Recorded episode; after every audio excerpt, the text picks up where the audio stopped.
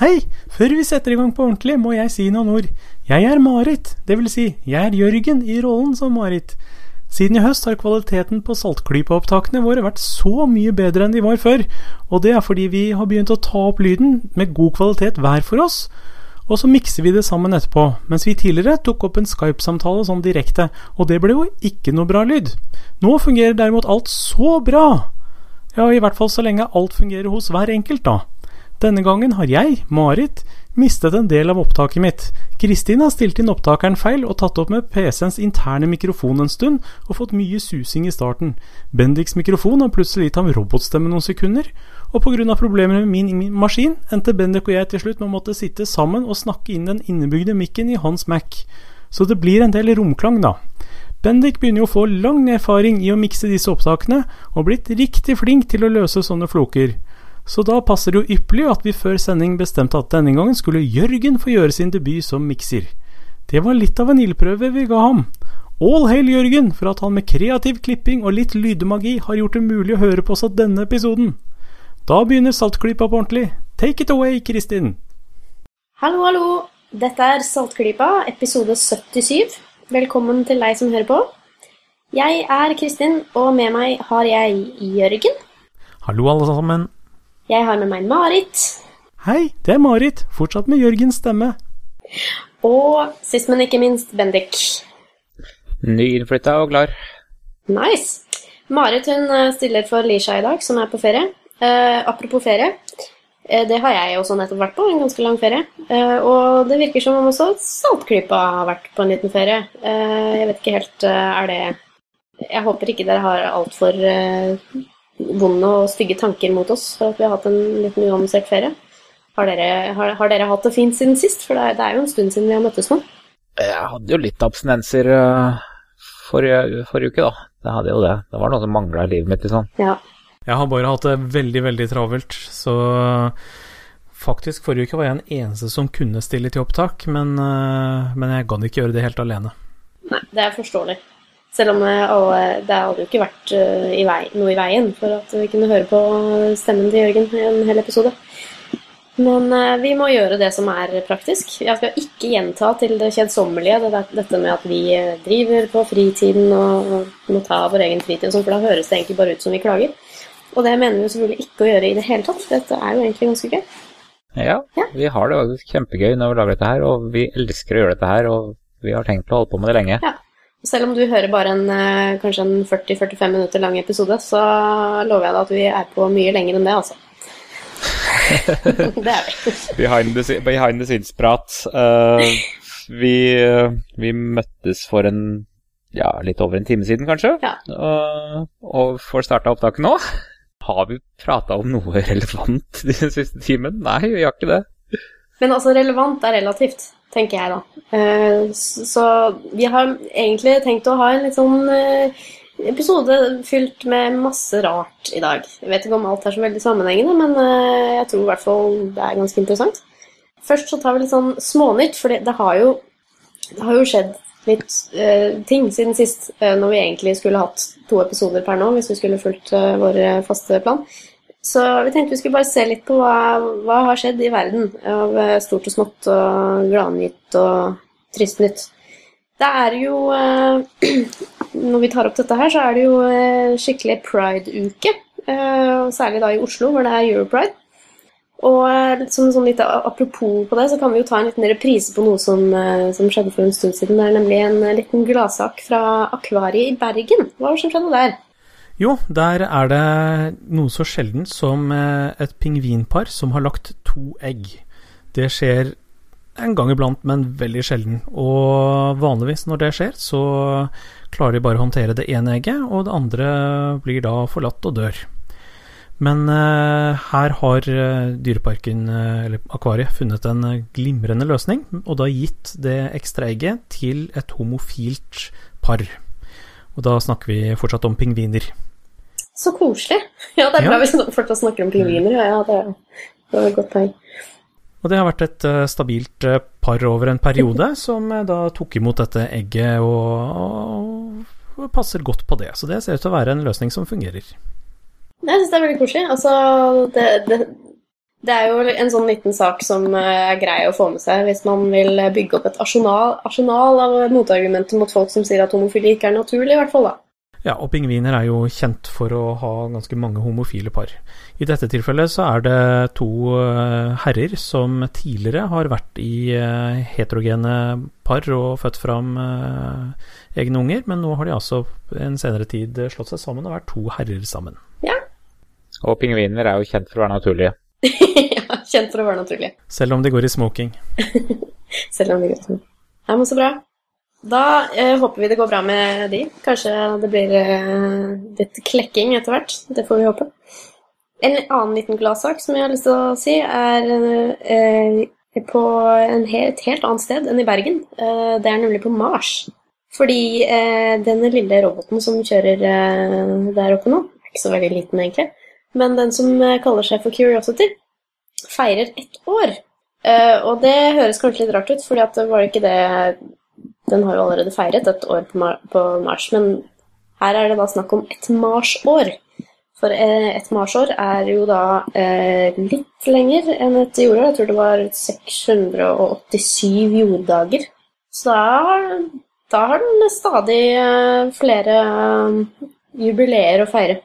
Så det syns jeg er greit å si fra, for jeg liker sånne ting som skjer i rommet også. Det har vi merka. Det skal bli mer av det. Absolutt. Curiosity feirer et Mars-år på Mars. Hurra! Gratulerer! Det er uh, ganske fascinerende at det er noen uh, av oss, særlig skeptikermiljøet, da, som uh, er veldig gode på, på digitale ting. utvikle ting på nett og finne ut liksom hvordan, eh, hvordan nettet fungerer, da, med, med, med inn, hvordan innhold spres. Og uh, vi skal snakke litt om uh, kampen mot dette her uh, spredningen av fæle ting på nett. Um, er det noen som har noen eksempler på veldig kule verktøy som har blitt utviklet i det siste?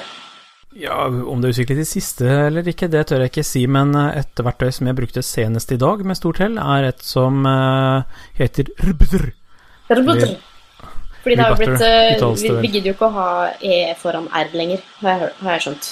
Nei, men altså det staves RBUTR.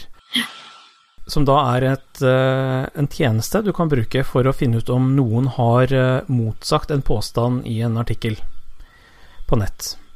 Og det fungerer best når det installeres som en plug-in, og jeg tror den er tilgjengelig på alle nettlesere nå. Sjøl bruker jeg eh, Opera og har installert eh, en eh, plug-in for den som fungerer helt ypperlig.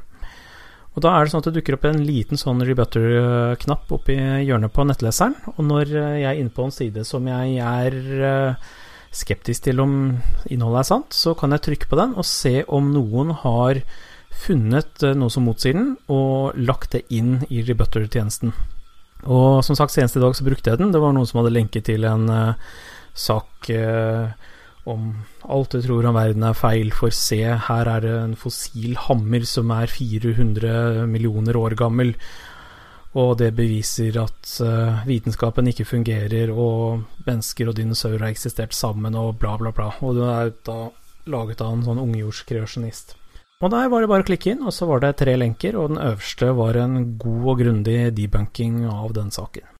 Og Det er et veldig fint verktøy, og det er sånn Hvis det er saker jeg ikke selv vet om når det dukker opp i uh, Facebook-feeden min eller noe sånt nå, men skjønner at her er det noe riv røskende gærent, så er det veldig lett å bruke den tjenesten, og veldig ofte, så i hvert fall når det er snakk om engelske nettsider, så er det noen som ligger inne på Rebutter. Har du opplevd at uh, noen, f.eks. kreasjonister eller sånt noe, har prøvd å bruke Rebutter for å uh, debunke de sidene som vi anser som riktige og seriøse?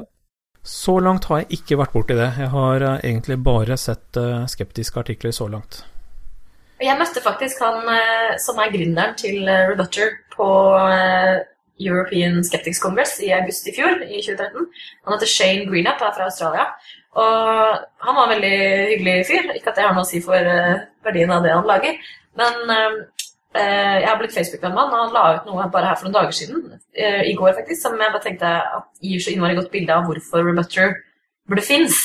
For det er som dere nevnte med at det er kreasjonister som har prøvd å liksom få eh, validert sine meninger med Rebutter, men ehm, og, og han har da fått litt kritikk for at han også tar imot og liksom fremmer uh, gale holdninger gjennom Rebutter-tjenesten. ikke sant? For det er jo alltid sånn Er det en motmening? Ja, da, da er det greit. Da må vi snakke om den. Ikke sant. Uh, Så jeg tenkte jeg skulle lese et sitat som han la på Facebook i går. Det er et sitat av Carl Sagan, som snakker om et annet sitat igjen.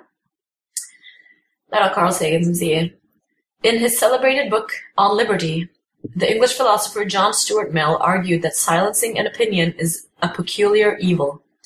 If the opinion is right, we are robbed of the opportunity of exchanging error for truth, and if it's wrong, we are deprived of a deeper understanding of the truth in its collision with error. If we know only our own side of the argument, we hardly know even that. It becomes stale, soon learned by rote, untested, a pallid and lifeless truth. Han Carl Sagan, altså, han kan få sagt det. Ja, det skal jeg love. Men det er bare så utrolig viktig nettopp det, at man utfordrer sine egne holdninger og sine egne meninger med å vite hva de andre, de som ikke innehar samme mening som deg, mener. Ja. Så jeg, jeg har vært skikkelig fan av den tjenesten som kom, bare av det. Jeg har liksom lett etter en sånn tjeneste. Jeg kan også anbefale å følge nyhetsbrevet deres. Jeg syns at de eh, ofte får samla opp eh, sånne aktuelle saker som jeg ser i Facebook-feeden min uansett. Men da får du de belyst fra flere sider. Og så er det det at så langt så er Butter primært brukt på engelskspråklige nettsider. Og noe av det som er litt viktig, er å begynne å bruke sånne ting på norsk. Jo flere som bruker det på forskjellige språk, jo bedre. Mm. Absolutt. Hvilke flere verktøy er det som finnes, da? Jeg vet i hvert fall at øh, sånn fra mine skrive websider fra scratch-dager, så husker jeg at jeg, det var en sånn derre Det var en sånn derre attributt man kunne ta på linker, som het nofollow eller et eller annet sånt. Den husker jeg brukte liksom sånn manuelt. Ja, det er jo en, en Google-ting, da. Fordi Google baserer seg jo Når den bestemmer hvor høyt oppe en side skal komme i søkeresultatene dine, Mm.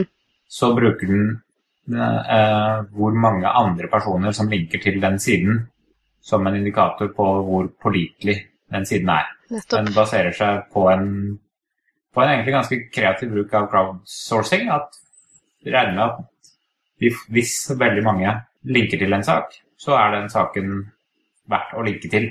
Og dermed er den eh, pålitelig.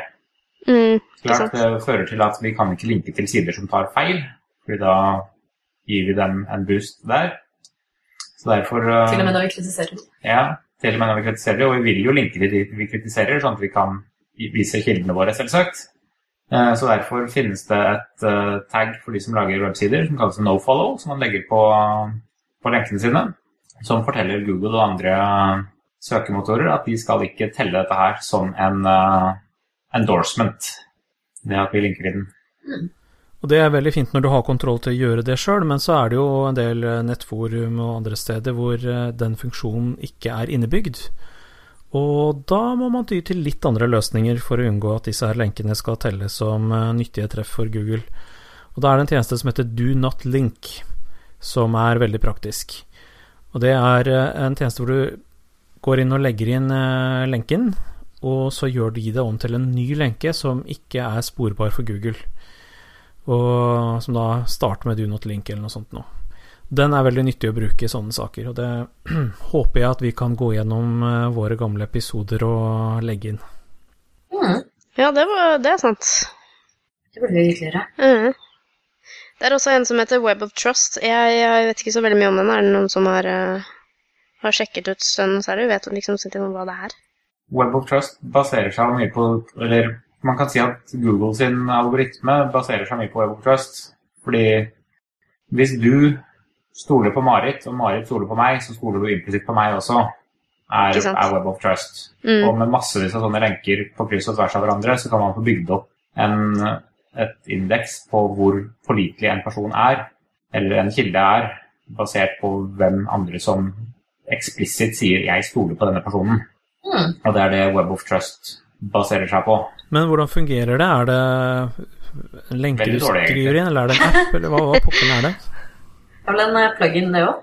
Web of Trust er mer, egentlig mer et, et konsept egentlig enn en faktisk software, selv om akkurat nå så tenker du vel på den websiden som heter Web of, Web of Trust. Ja. Den er da en, en plug-in som vel rangerer en sides pålitelighet igjen basert på forskjellige argumenter. Den kan være har noen klaget på den, har, finnes det mange andre som liker til den, og bygger opp en indeks på den. Og de sidene den går god for De får en klistremerke omtrent på toppen, gjør de ikke det? ja, det Sånn er, hvis du kommer inn på en side som er sånn derre uh, My aunt is collecting money for her cancer. Please support. Så er den rød. Med mindre det faktisk er en tante der som noen stoler på. ja. Ja, jeg har ikke fått utforsket den ennå, men eh, det er av de tingene jeg ønsker å sette meg litt bedre inn i. Eventuelt den best, beste måten å, å få verifisert en link eller noe som ikke skjer på internett, er jo å spørre oss. Det er jo det som skjer i våre Facebook-feeder, sånn på personlighetene i hvert fall. At eh, de ender jo opp hos oss, og noen eh, tar seg tiden til å sette seg ned og debunke dem hvis det er noe direkte feil. Og selvfølgelig samtidig ikke stol på oss, for eh, man kan ikke stole på noen når man må gjøre alt arbeidet selv. Ja. Nå ble det veldig forvirrende her, men hvem kan man stole på? Du Men kan vi er, stole på meg, men her, ingen andre, er, er mitt argument. vi er her for å forvirre. Vi er det. Jeg tenker jo kanskje litt sånn mens vi snakker om eh, skeptikerressurser og tiltak for å bedre informasjon på internett, så burde vi kanskje nevne også den gruppen som heter Gorilla Skepticism on Wikipedia. Den tenkte jeg også faktisk på, i og med at vi snakket om at det trengs uh, Altså disse her rebooter og disse her trenger å på en måte gjelde også for norske sider. Og det er noe Guerrilla Skepticism driver veldig mye med. Nemlig altså det de driver med, er Wikipedia, rett og slett. Å lage gode uh, Wikipedia-artikler uh, med gode kildehenvisninger og oppdatert sideinnhold, da. Men altså, den gruppen som heter uh, Gorilla Skepticism on Wikipedia, Ja. de eh, jobber jo da spesifikt og målrettet mot skeptiske for skeptiske tema, for skeptiske talere og den slags type ting. Og eh, de har jo møtt noe kritikk fordi at de organiserer da sin egen aktivitet ut fra et lukket forum. Hvor de da kan diskutere på forhånd sånn hvilken eh, Wikipedia-side skal vi overvåke nå, skal vi oppdatere nå, skal vi passe på at ikke alltid folket tar oversikt over, tar kontroll over.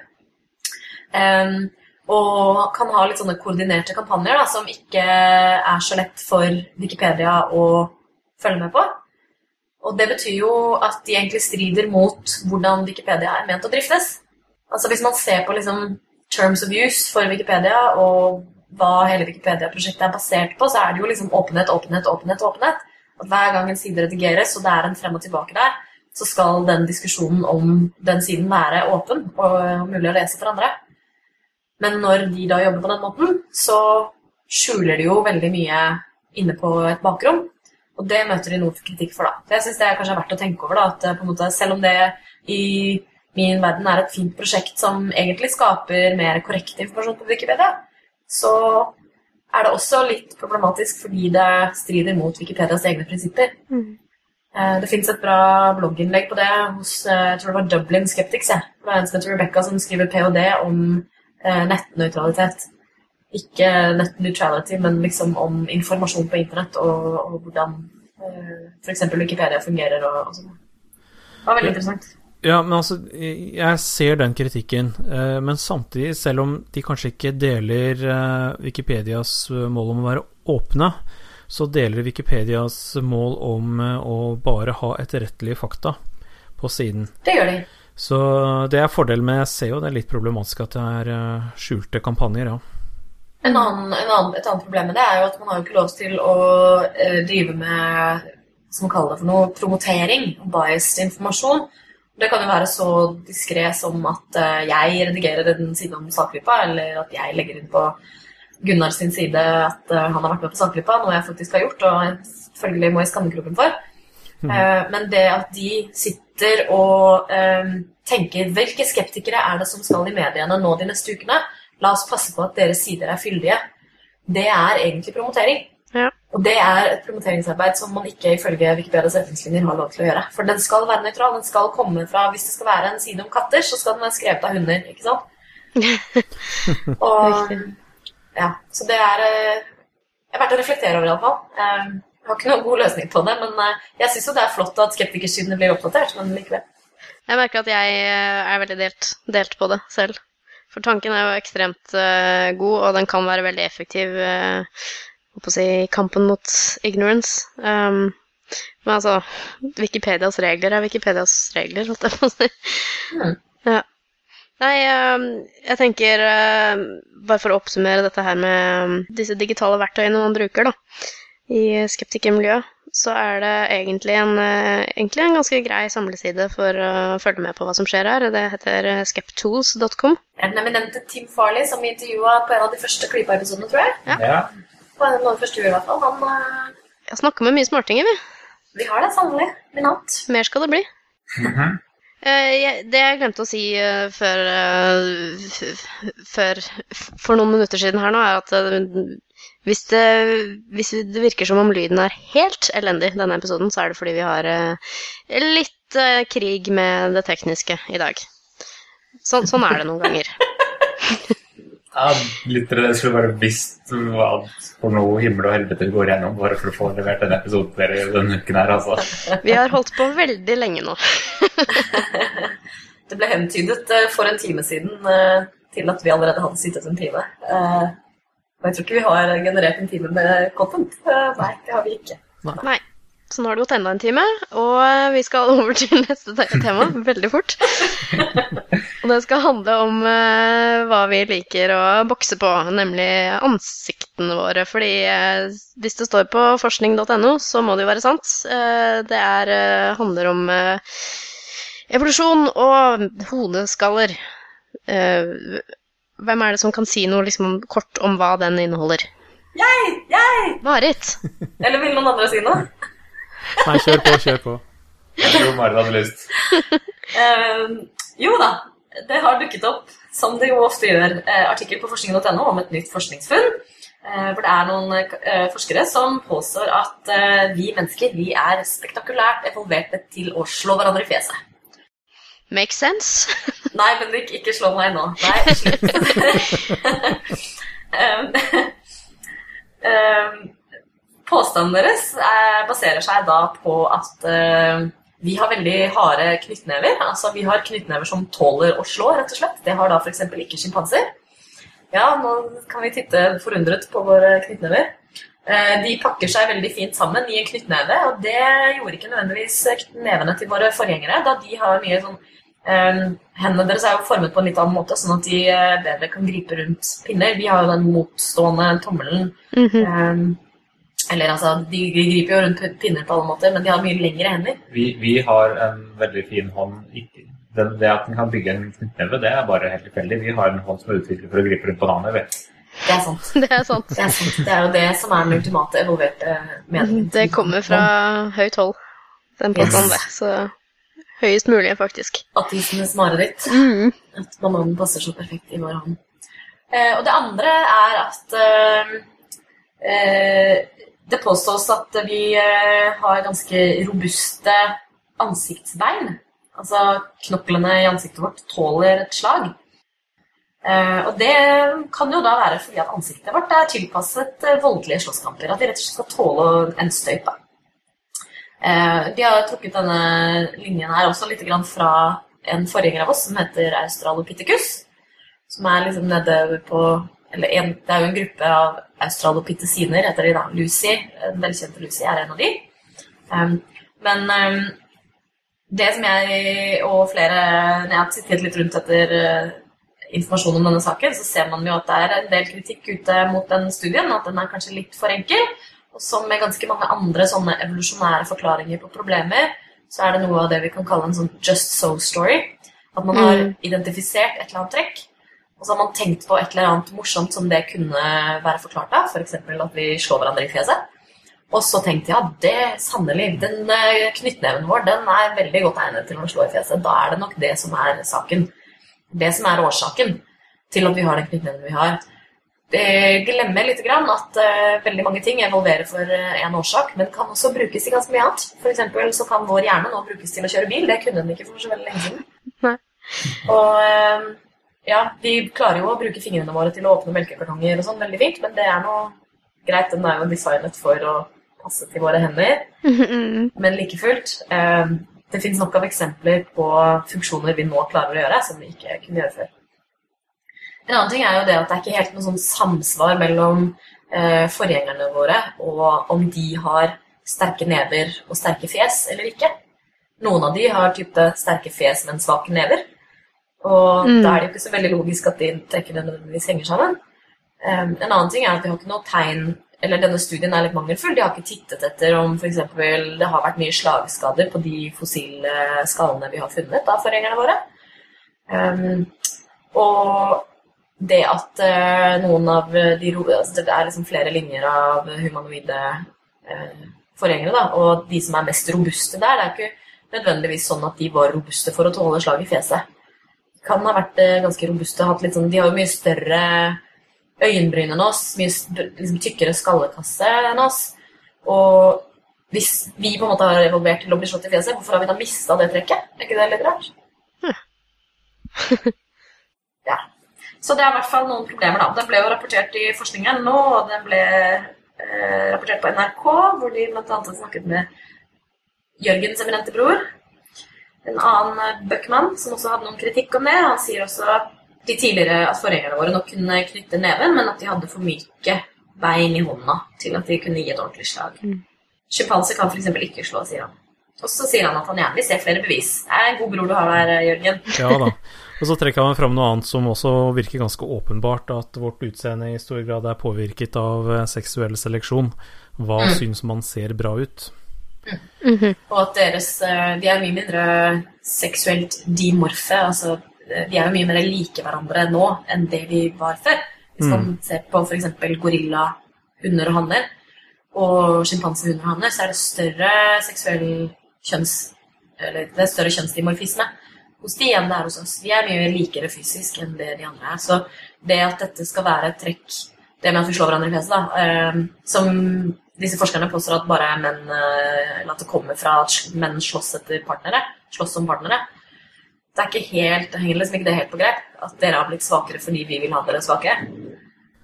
Nei, jeg må innrømme at da jeg så den artikkelen der, så eh, reagerte jeg umiddelbart.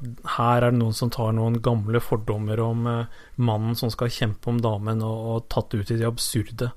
Eh, jeg rakk ikke å lese hele artikkelen ordentlig, egentlig, før jeg avslo hele greia som sludder, for det virka bare for billig, den argumentasjonen de hadde, altså. Jeg syns det var så fint sitat. Jeg leste en sånn National Geographic-artikkel som Jørgen tipset om. eh, som slutter så fint, da.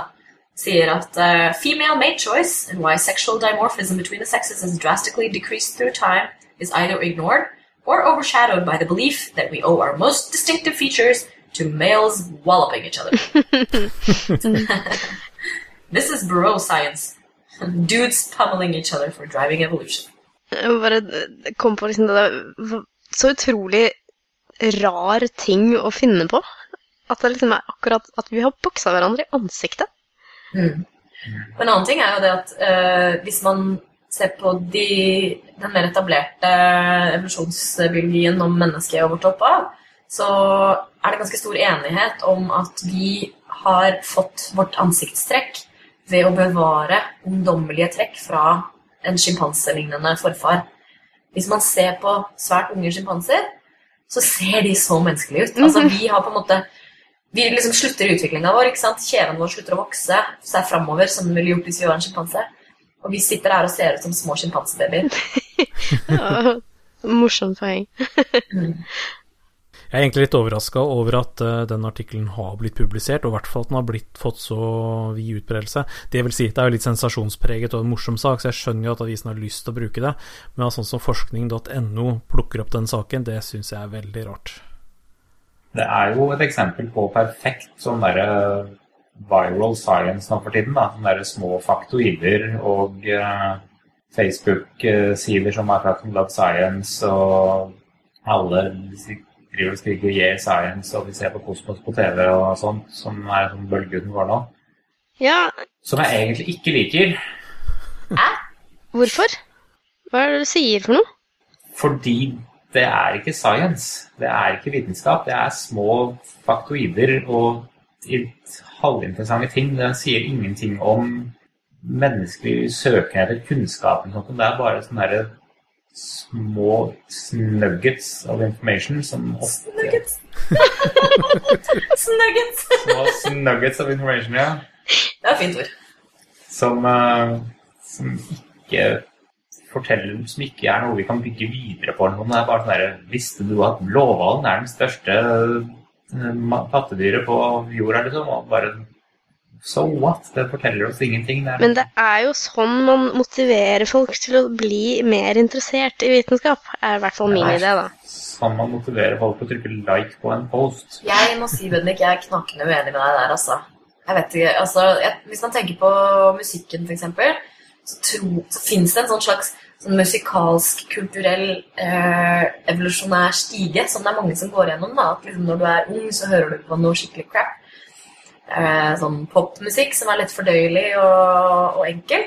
Og så kanskje over tid så blir du litt lei av det, føler liksom du har hørt det før, og så hører du på litt mer kompleks musikk, og så hører du på mer og mer kompleks musikk, og så etter hvert så hører du bare på frijazz, og så slutter man da med Elvis Costello. Og så blir du forelder, og så hører du bare på barnesanger. Ja, Ja. sammen tilbake. Og Men- det, dette her Men- speiler tilfeldigvis Marits musikksmak akkurat nå. Eller så er du sånn som meg, som uh, også føler den der mer og mer uh, litt sånn der rar, rarere og rarere musikk. Eh, sånn begynner på P3 på en måte og går oppover. Og så kommer du til et punkt der du føler at bare Nei, det, jeg bare hører på det jeg syns er kult, det. Og så hører du egentlig bare på litt av hvert. Ja. Men eh, sånn, sånn er det jo i vitenskapen også. Ja, Interessen meningen i med denne analogien her var jo at folk må få lov til å begynne et sted. Og før så var det et sånt stort juv mellom alle menneskene som kom ut av grunnskolen, og de menneskene i hvite frakker som satt låst inne på labbene sine. Men nå er liksom disse tufsene fra labbene ute på plenen og sparker fotball og snakker om eh, ballfysikk, ikke sant? Ja, men De gjør jo ikke det. De snakker om ballfysikk som har vært kult, men de sitter jo bare og forteller om verdens raskeste fotball er øh, kan sparkes i 25 km i timen. Liksom. Da tror jeg du ikke følger med nok på sånn viral-ting, altså, for det er eh, mye OK der. Jeg har sett en annen òg. Var det, var det han der PhD Comics, eller om det var Saturday Morning Breakfast Serial eller noe sånt, som lagde sånn sutrete tegneseriestripe om, at, eh, om alle disse her viral-tingene som var sånn I love science, og så bare No, you fucking don't. Mm. You love little tidbits der. Ja, jeg er så helt enig. Jeg har, jeg har skjult Jeg har ignorert at Jeg av alle folk som har skjult og ignorert I fucking Got science på Facebook-feeden min. Mm. Både fordi den ble stamma sønder og sammen, siden jeg alt jeg har det i Facebook-feeden min. Jeg ikke, abonnerer ikke på det, faktisk, for jeg får nok av det gjennom andre Nettopp. mennesker. Ja, jeg har ignorert den fra alt det jeg fikk fra, fra, fra filmen min. Mm. Det er ikke sånn, Jeg har ikke, ikke abonnert på den. Jeg har faktisk ignorert den fordi jeg fikk 40 posts daglig derfra. Fordi alle løp rundt og shara. Og trodde de var sånn derre Ikke special little snowflakes, men, men var, gjorde en Nerds. Ja, at de var, trodde at de var nerds, og at de spredte kunnskap og sånt, men det er jo Det er som den ekvi- ekvivalenten av undersiden av en Snapple-kork, dette her. Det er ikke kunnskap eller informasjon. Det er som eh, den der T-skjorta som man noen ganger ser skikkelig heite babes gå med, hvor det står eh, I love nerds. Så er det en eller annen vittig komiker som påpeker at no, you don't love nerds, you love people with cool glasses. Mhm. Men uh, jeg tror altså poenget som vi kanskje kan være enige i her, da, det er kanskje ikke at det nødvendigvis uh, eh, spres uh, koherent og ordentlig og vitenskap som bringer verden fremover nødvendigvis, men jeg tror at sånne sider og sånne TV-serier og Facebook-sider har jo i hvert fall bidratt til å liksom synliggjøre sånn derre heiaroping av vitenskap. Altså det har blitt litt sånn stuerent og synes at det, dette er noe som skal være et interessefelt som er gyldig, på en måte, for folk. Og vi snakker jo masse om at man skal bruke vitenskapelige prinsipper i all sin tenkning. Og det å på en måte begynne å plante de frøene i hjernene til folk der hvor de er, der hvor de befinner seg, og på en måte og på et nivå som de finner tilgjengelig, det tror jeg er utrolig verdifullt.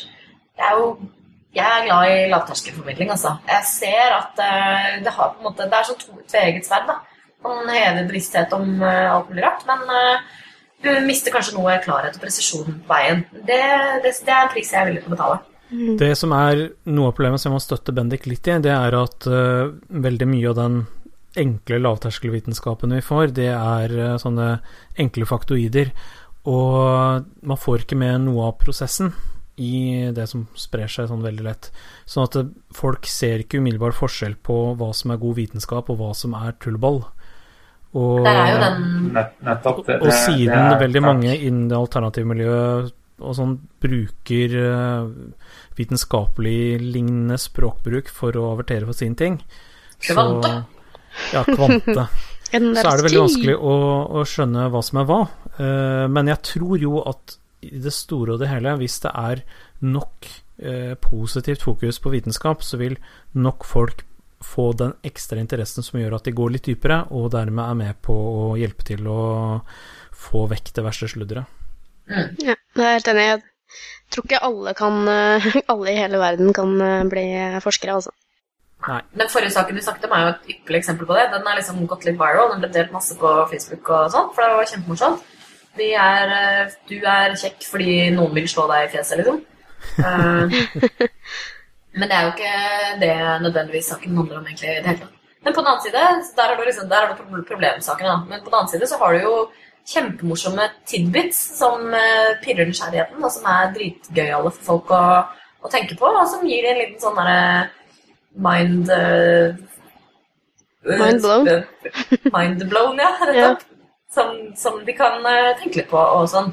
Jeg tenker også det at, at det kan bidra til at de tenker på at altså, Ja, som du sier, så kul verden er. Altså, du trenger ikke å tenke på noe annet enn den naturlige verden, egentlig. Mm. Det er nok. Det er helt vilt hvordan ting er. Jeg tror ikke jeg kommer så veldig mye lenger, men når vi snakker om uh, ting som har gått viralt, så har jeg lyst til å dele en uh, videosnutt med dere. Skal vi se oh, ja. her. Ja, Spennende. Har en liten eh, overraskelse her. Uh, Jørgen deler ting på direkten ja, nå skal jeg Jørgen deler video på en, radio, på en audiopodkast. som har gått veldig dårlig hittil. Dette blir jo ultraspennende. Det er godt mulig dere har sett denne videoen, for den har altså vært viral. Eh, når dere får opp lenken, så vil jeg at dere skal skippe til eh, rundt 45 sekunder. 45 sekunder. Den er grei. Oi, ok, skal vi se. Lovende. Lovende. Lovende. Der. Wee!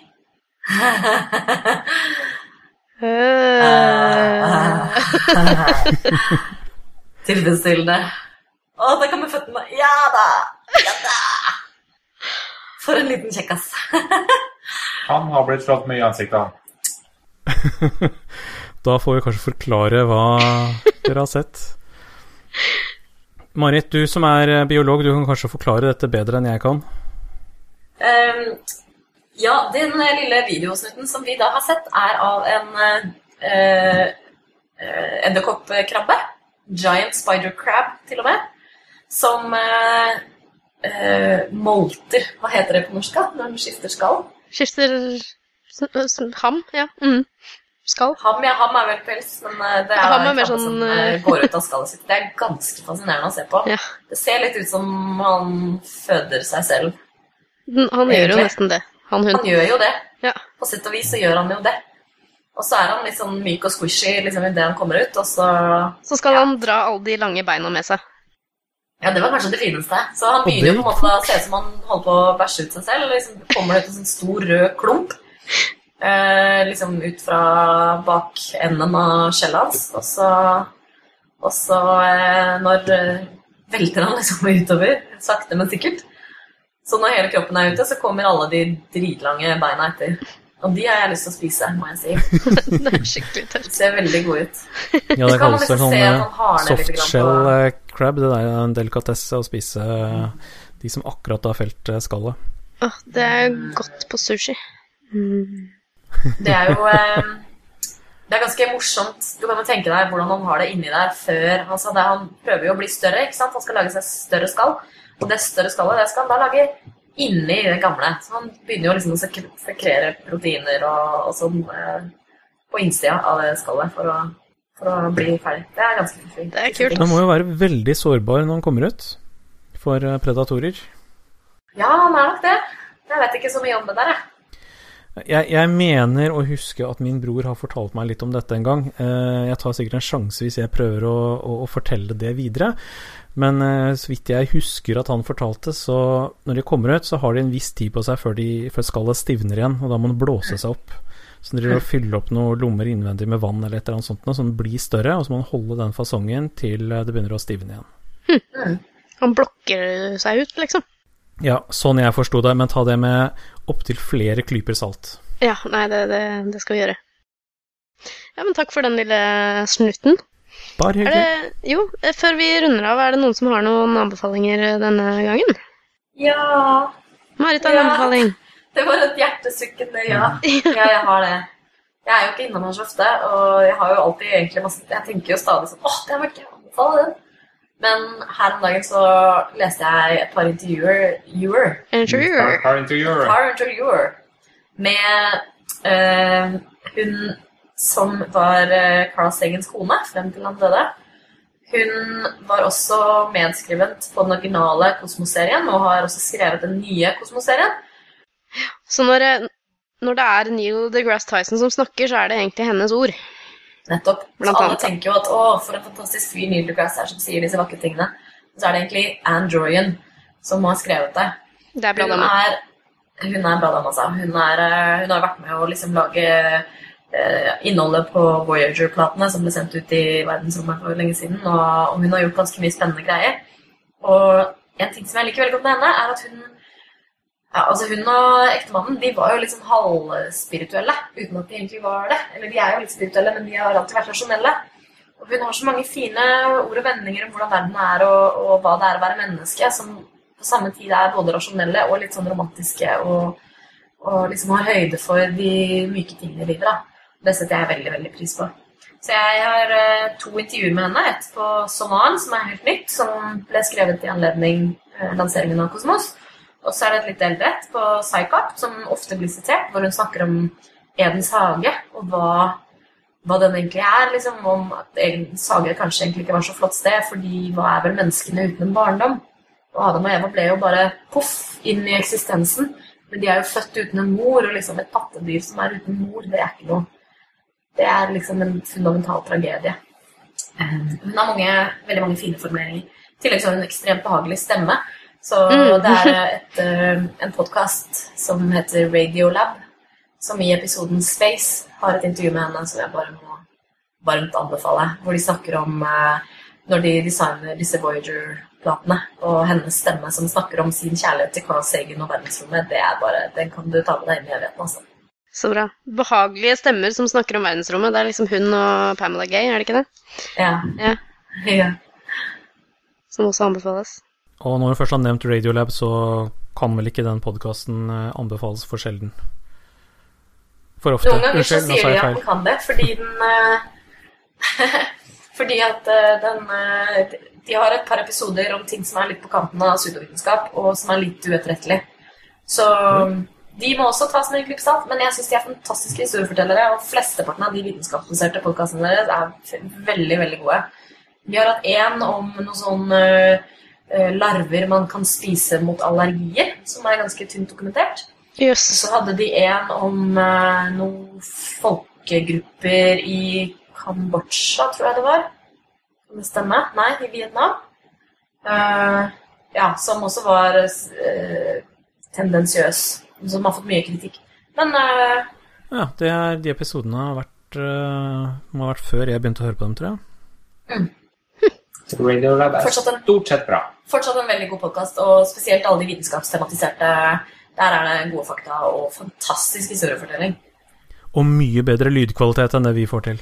Ja. Og det er også en, en, en av disse podkastene som jeg ikke har fått plass til i min massive abon abon, abonnentrekke Oi. Enda. Kristin, Ja. hører du ikke på Radiolab? Nei. Jeg er litt hipster sånn, faktisk. Så Yes. sånn er det.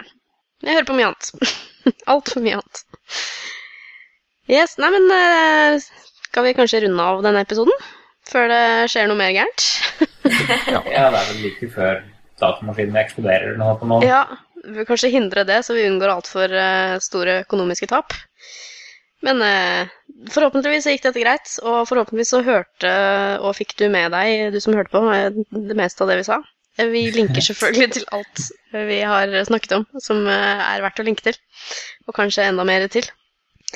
Eh, jeg foreslår, eh, kjære lyttere, at vi gjør en liten byttehandel. Eh, en liten quid pro quo, om dere vil. Vi sørger for hvis vi sørger for å ikke vente så sykt lenge til neste episode, og samtidig kanskje ha enda litt mer bedre kvalitet på neste episode, så må dere love Hvis dere har noe på hjertet, så må dere sende oss mail.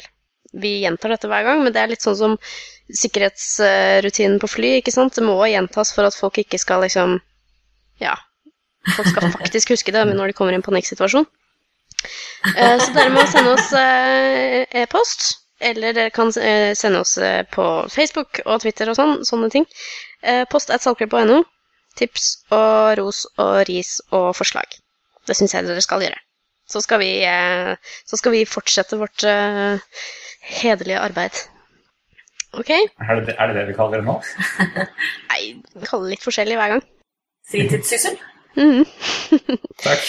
Det var bedre. Vår slitsomme fritidssyssel. For i sannhetens ærend. Kjærlighet, Nei. Om, varm, varm hygge. Ferie. Ferietid. Ja. Nå tror jeg vi Ja. bør avslutte, for dette utarter. Det syns jeg. Takk. Vi Det snakkes neste gang, dere. Ha det fint. Ha det bra. Ha det bra.